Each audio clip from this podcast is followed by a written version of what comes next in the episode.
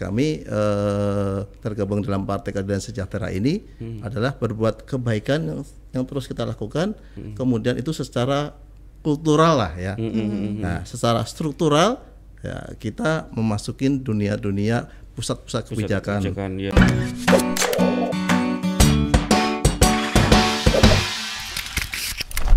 Selamat sore Tribuners, welcome to Tribun Batam Podcast. Masih bersama saya Nita. Dan Mas Danang juga bersama Bapak Bapak Bang aja ya, Mas Iya, ya. Bang Raden Hari Cahyono. Bang Raden Hari Iya. Cahyono. Bang, boleh dibuka Bang? Nah, Ya, izin kita tetap pakai Bang. Oke, oke. Ah, Bang Hari harus buka karena narasumber Harus- ini spesial kita tuh harus Kelihatan. harus kelihatan. kelihatan. Kalau kita nggak perlu lah. Kan? kita nggak usah, kita udah sering terlalu mun- banyak muncul. Bang Hari makasih banyak sudah menyempatkan mampir Main, di ya. tribun.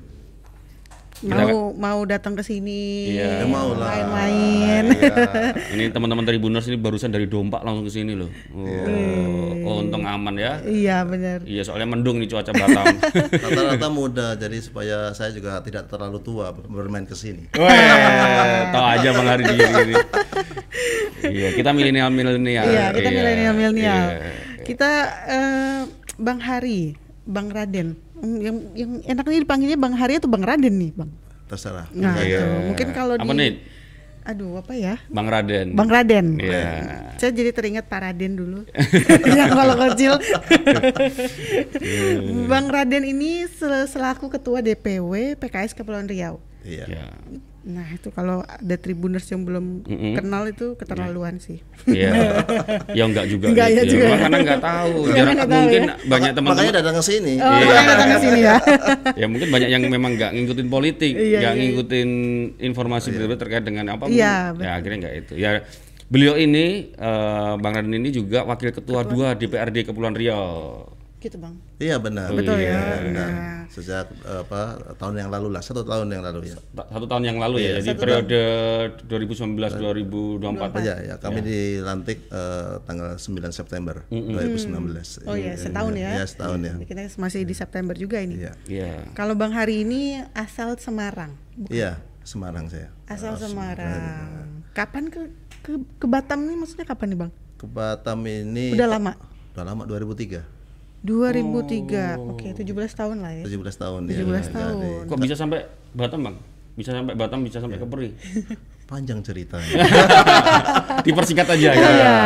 saya lulus SMA, kemudian saya melakukan eh, ikut pendidikan di Bandung di PT Dirgantara Indonesia. Oh, Dirgantara. PT Ya, DI. pendidikan tiga tahun, kemudian langsung menjadi karyawan PT Dirgantara Indonesia. Eh, kemudian ya 16 tahun eh, bekerja di sana eh, jadi sebagai NC programmer, eh, membuat program-program untuk pembuatan part-part pesawat eh, pada saat itu. Wih, ini dia nih ketua DPPKS tuh profilnya seperti itu. Mungkin Iya, banyak iya. nggak tahu Banyak kan. nggak tahu, Oh, iya. untung kita bawa ke podcast ini. Nah, kan kita jadi tahu. Ini Ternyata- orang orang yang di pesawat ini. Nah, itu makanya. Ternyata bikin spare part spare part pesawat bisa ya, Pak? Iya, eh, jadi sebelum jadi NC program saya menjadi operator, operator eh, NC apa mesin eh, CNC mesin, yang lebarnya eh, panjangnya hampir eh, seperti eh, se- lapangan tenis.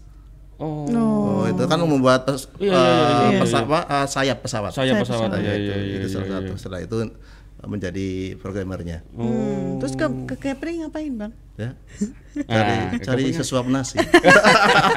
Apa masih ada hubungan sama pesawat? Iya. Iya pada saat itu memang ada mungkin pernah dengar ya ribut-ribut eh, apa ada dinamika lah itu pada waktu itu di di Dirgantara ya. Mungkin Oh, dua- iya, iya, 2003. iya, iya, iya, iya. Kemudian saya akhirnya apa eh, takdir Allah eh, apa Allah menerba- menerbangkan ke Batam. Itu ya nggak tahu kenapa saya harus ke sini, tapi meng- mengikuti apa nasib saja sebetulnya. Tujuannya cari cari kerja. Oh gitu. Iya, saya bekerja di sini eh, di Batu Merah, PT Hit Exchanger Indonesia. Itu.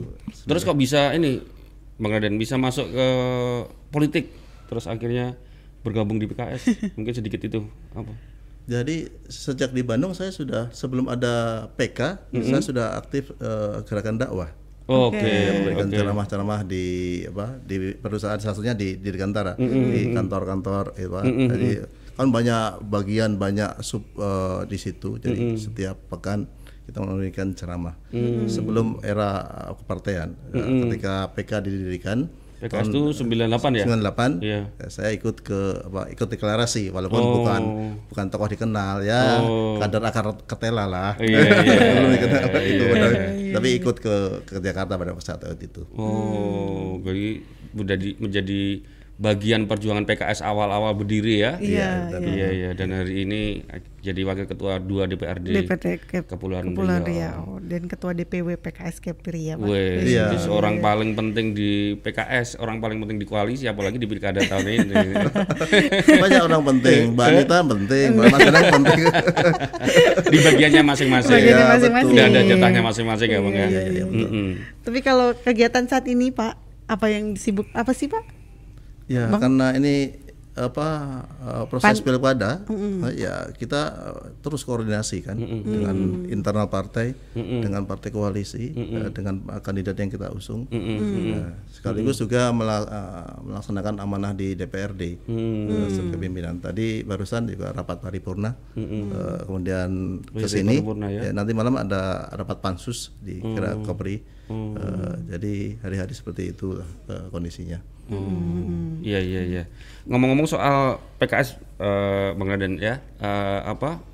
Bang Raden ini kan bagian dari proses terbentuknya PKS juga meskipun tadi dari apa dari apa istilahnya peju- ah ya ya Dari bikin pesawat. iya. Kalau ngomong soal PKS mengapa sih PKS ini eh, bisa dibilang partai dak dakwah gitu kan? Terus apa hubungannya politik dengan dakwah Iya. itu Jadi yang saya pahami dan kemudian diajarkan di PKS adalah eh, dan sebelum era kepartian eh, karena tergabung dalam gerakan dakwah. Gerakan dakwah itu sebenarnya eh, dua saja salah satunya yaitu mengajak kebaikan dan kemudian mencegah kejahatan. Nah itu.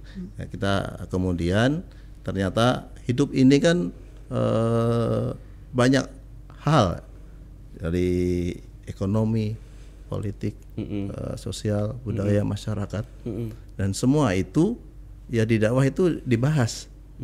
Eh, apa, Jika kita eh, apa, eh, memberikan penerangan pencerahan kepada masyarakat, Mm-mm.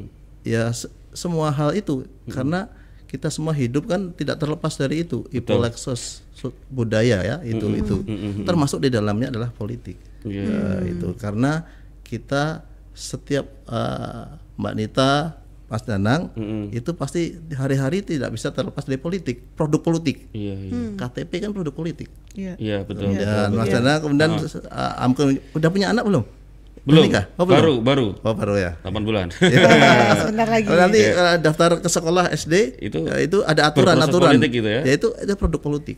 Jadi semua orang tidak bisa terlepas dari produk politik sebenarnya. politik itu tidak identik dengan tidak hanya sekedar identik dengan partai pilkada pilpres itu ya ya itu, itu sarana, sarana. Sarana ya. Produknya salah satunya itu undang-undang, perda, dan segala macam turunannya. oh iya iya itu produk politik Iya, betul. produk politik. iya iya Jadi kalau dibilang apa kaitannya si tadi apa dakwah sama. Kemarin Bu Suryani juga pada saat di sini dia bilang soal dakwah juga gitu Pak maksudnya. Dakwah makanya dia terjun ke politik. politik. Iya. Nah saya masih belum menangkap maksudnya apa dakwah ke politik ini sih Pak maksudnya.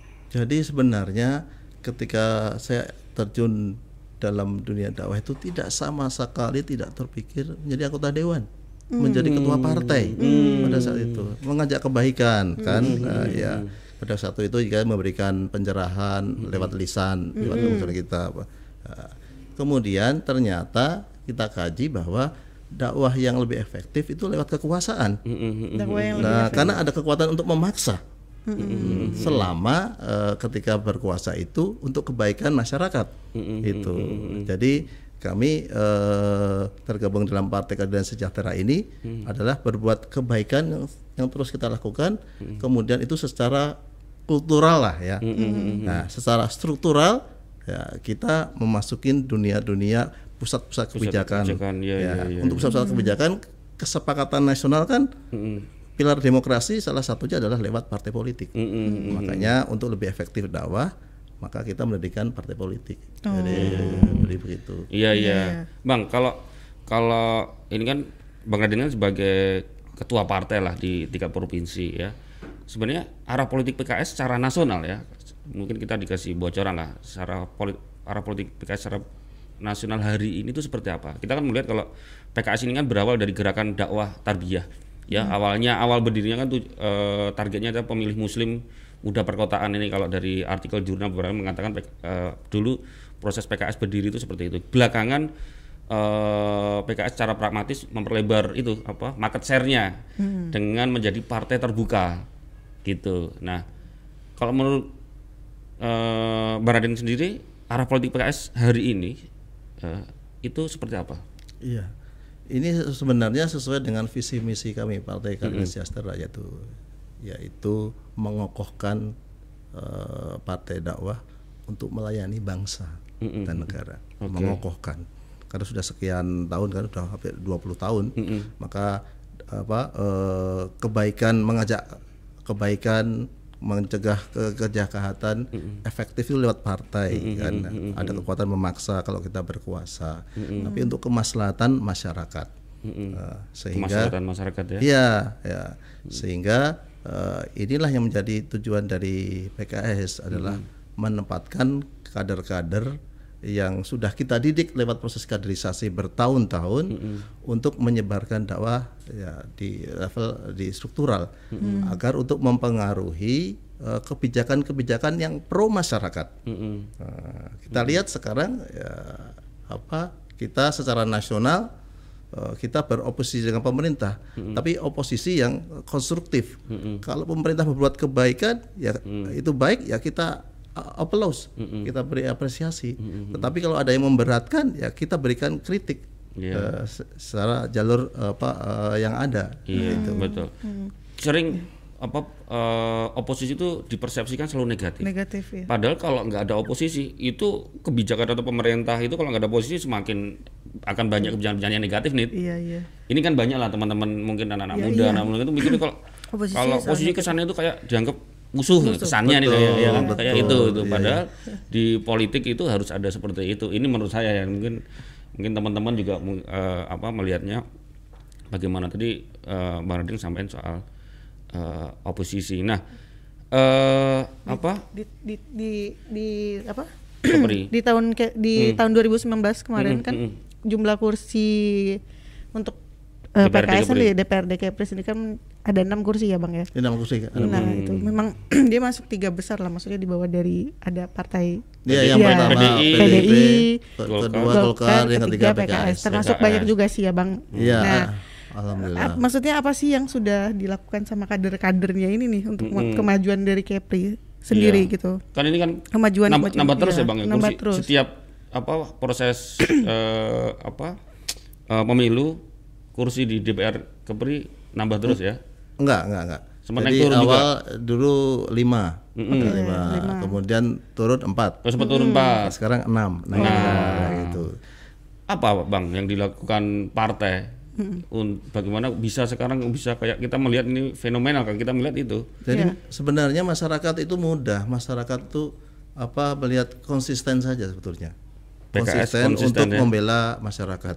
Sehingga kami di program-program PKS itu apa sepanjang tahun tidak hanya menjelang pilkada, tidak hanya menjelang pemilu, setiap tahun itu kita ada program-program baik nasional, provinsi, daerah.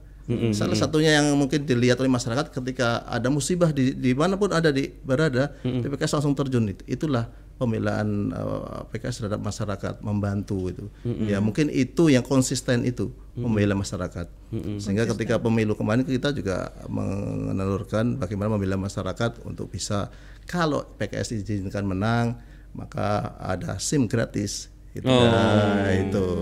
Tapi Allah, Allah belum izinkan menang. Eh, tapi tetap kita usahakan. Nah, kalau kalau berkuasa kan lebih mudah. Iya, kursi iya, banyak iya. lebih mudah. Gitu. Iya iya. Itulah salah satunya. Iya iya. Dakwah berpolitik terus dari politik tadi tujuannya itu punya kuasa untuk menentukan kebijakan, kebijakan, kebijakan yang pro rakyat. Iya. Contohnya contoh aja contoh kalau bisa SIM-nya bikin gratis, ya. gratis ya. SIM ya bang ya. Iya, iya. Iya iya iya iya, iya.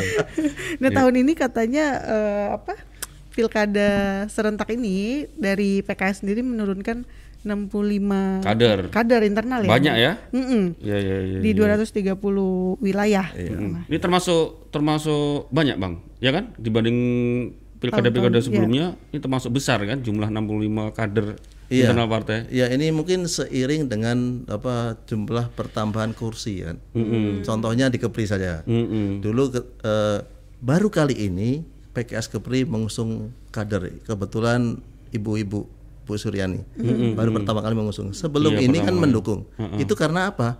Karena seiring dengan pertumbuhan per- pertambahan kursi. Nah, kursi banyak itu kan menjadi dawa- daya tawar betul, terhadap betul, uh, betul. ketika kita berkomunikasi dengan kandidat Iya. dengan partai-partai yang lain Koalisi untuk yang berkoalisi lain. Mm-mm. itu jadi itu uh, memang se- sebuah keniscayaan ketika tambah kursi biasanya daya tawar lebih lebih lebih tinggi Nah, kalau kurs- kursi cuma satu Iya. eh, Iya, nggak ada iya, itu nggak ada daya tawar Nggak ada daya itulah. tawar. Mm-mm. Dan untuk Kepri itu kemarin PKS ini daya tawarnya tinggi nih. Iya. Wah, akhirnya dan dari mana nih daya tawarnya tinggi, makanya ada ada tiga Ada calon tiga itu, calon ya dari gitu. PKS sendiri. Iya, iya. Iya.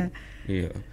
Bang, terus eh, kemarin di Rakornas di Jakarta di bulan lalu di Agustus itu apa eh, DPP PKS menargetkan 60% pilkada serentak ini memen- menang gitu loh. Iya. Dari dari berapa tadi? 200 65 kader yang ikut di 230 wilayah itu tar- ditargetkan 60% wilayah. Eh, wilayah menang ya. Untuk Kepri sendiri terus kemarin ada juga Karimun dan Lingga yang memang ada kadernya PKS. Targetnya gimana, Bang? Iya, jadi kami memang ketika mengajukan apa proposal apa pasangan kandidat ke DPP, eh, PKS itu termasuk rasional. Rasional itu karena eh, pilkada politik itu apa eh, Tetap ada hitung-hitungannya ya. Scientific, Scientific. bisa diukur. Bisa diukur. Jumlah kursi bisa diukur, jumlah pemilih bisa diukur, targetnya bisa diukur, itu kan. Uh, survei bisa diukur kan. Ya, itu itu scientific. Jadi ketika kita proposalnya rasional, di ACC oleh DPP. Nah, kalau tidak rasional, ya ya berat. Survei rendah, eh, kemudian koalisi tidak ada berat, ya itu tidak rasional ya pasti eh, kita mendukung. Biasanya begitu. Emang di pilkada tahun ini ada ada beberapa partai ya mungkin kalau Bang Raden ngintip itu emang ada yang menurut Bang Raden nggak rasional. ya Ada, maksudnya menurut Bang Raden ya, mungkin kita nggak usah sebut partai lah. Misalnya Iya, iya. koalisi tertentu, oh ini nggak rasional, makanya saya nggak ikut sini. Saya eh, ini aja gitu kan. Oh saya bikin poros ini aja misalnya. Iya, biasanya ada memang ada beberapa kandidat yang yang apa tidak rasional. Eh, maksudnya rasional itu kita ketika kita minta mana surveinya. Mm-mm. Dengan berbagai alasan tidak memberikan survei sampai sekarang. gitu. Nah, padahal eh, survei itu saintifik untuk bisa mengukur tingkat popularitas. Ya, Masuk akal nggak ini Ya, maju? betul. Jangan-jangan nggak masuk akal ya ngapain aku dukung ya? Kira-kira itu ya Bang. betul betul itu Iya, iya, iya, iya. Jadi untuk eh, Kepri sendiri memang ditargetkan oleh DPP untuk bisa menang. Mm-mm. begitu juga begitu juga untuk Karimun dan Lingga. Eh, jadi eh, ini apa eh, memang ada tiga daerah ya Kepri untuk eh, Pilgub, kemudian di Karimun Pak Iskandar Sah, kemudian di Lingga, Pak Salmizi, eh, Lingga ya eh, itu di Kepri kan Bu Suryani. Iya iya. Jadi beban saya dan teman-teman eh, PKS Kepri dan seluruh kader ke PKS Kepri adalah memenangkan tiga eh, kandidat internal PKS ini. Iya. Bang, mungkin agak sedikit anu ya. Ini sorry saya ini agak agak keluar jalur sedikit. Terkait koalisi yang tidak linear, Bang. Itu itu eh, tadi Bang Raden kan juga bilang eh, sampaikan ya bagaimanapun juga koalisi atau pilkada ini harus harus bisa dihitung. Harus ada hitung-hitungannya. Terus kalau kalau nggak linear itu nanti gimana itu ya? Iya. Dukung mendukungnya, bagaimana menggerakkan relawan itu gimana? Bang? semua ketua partai, semua ke- eh, kandidat pasti ingin linear. Mm-mm. Memang lebih memudahkan, betul nggak? Betul nggak? Eh, Satu kita apa ketika kampanye mudah langsung bawa kan eh, satu satu tujuan. Tetapi tak semudah membalikkan tangan, Hmm, ternyata sudah juga ya. mencocokkan koalisi kandidat dengan berbagai berbagai partai. Konstelasi di provinsi juga berbeda konstelasi di kabupaten kota. Di, ko- di provinsi eh, partai pemenang eh, bisa berbeda dengan partai pemenang di, di, di kabupaten kota. Juga ko- eh, kandidat. Itu semua apa parameter-parameter yang cukup rumit eh, untuk bisa linear. Kalau bisa itu luar biasa. Biasanya bisa dilakukan oleh partai-partai eh, pemenang, Eh, partai pemenang biasanya. Tetapi nggak mudah juga eh, karena konstelasinya berbeda. Jadi idealnya saya juga berharap linear, tetapi tak semudah membalikan tangan di lapangan ternyata Nah, itu. Iya karena misalkan di provinsi kan tiga besar kalau ngomong kursi ya, Iya. karena di daerah juga belum tentu dia tiga besar ya, Tiga Bang, ya. besar. Betul, iya, betul, Jadi, betul. iya iya. Tapi iya, kalau di awal dulu eh, di awal nih eh, targetnya berapa memang bang? Memang ditargetkan oh tahun ini kita harus tiga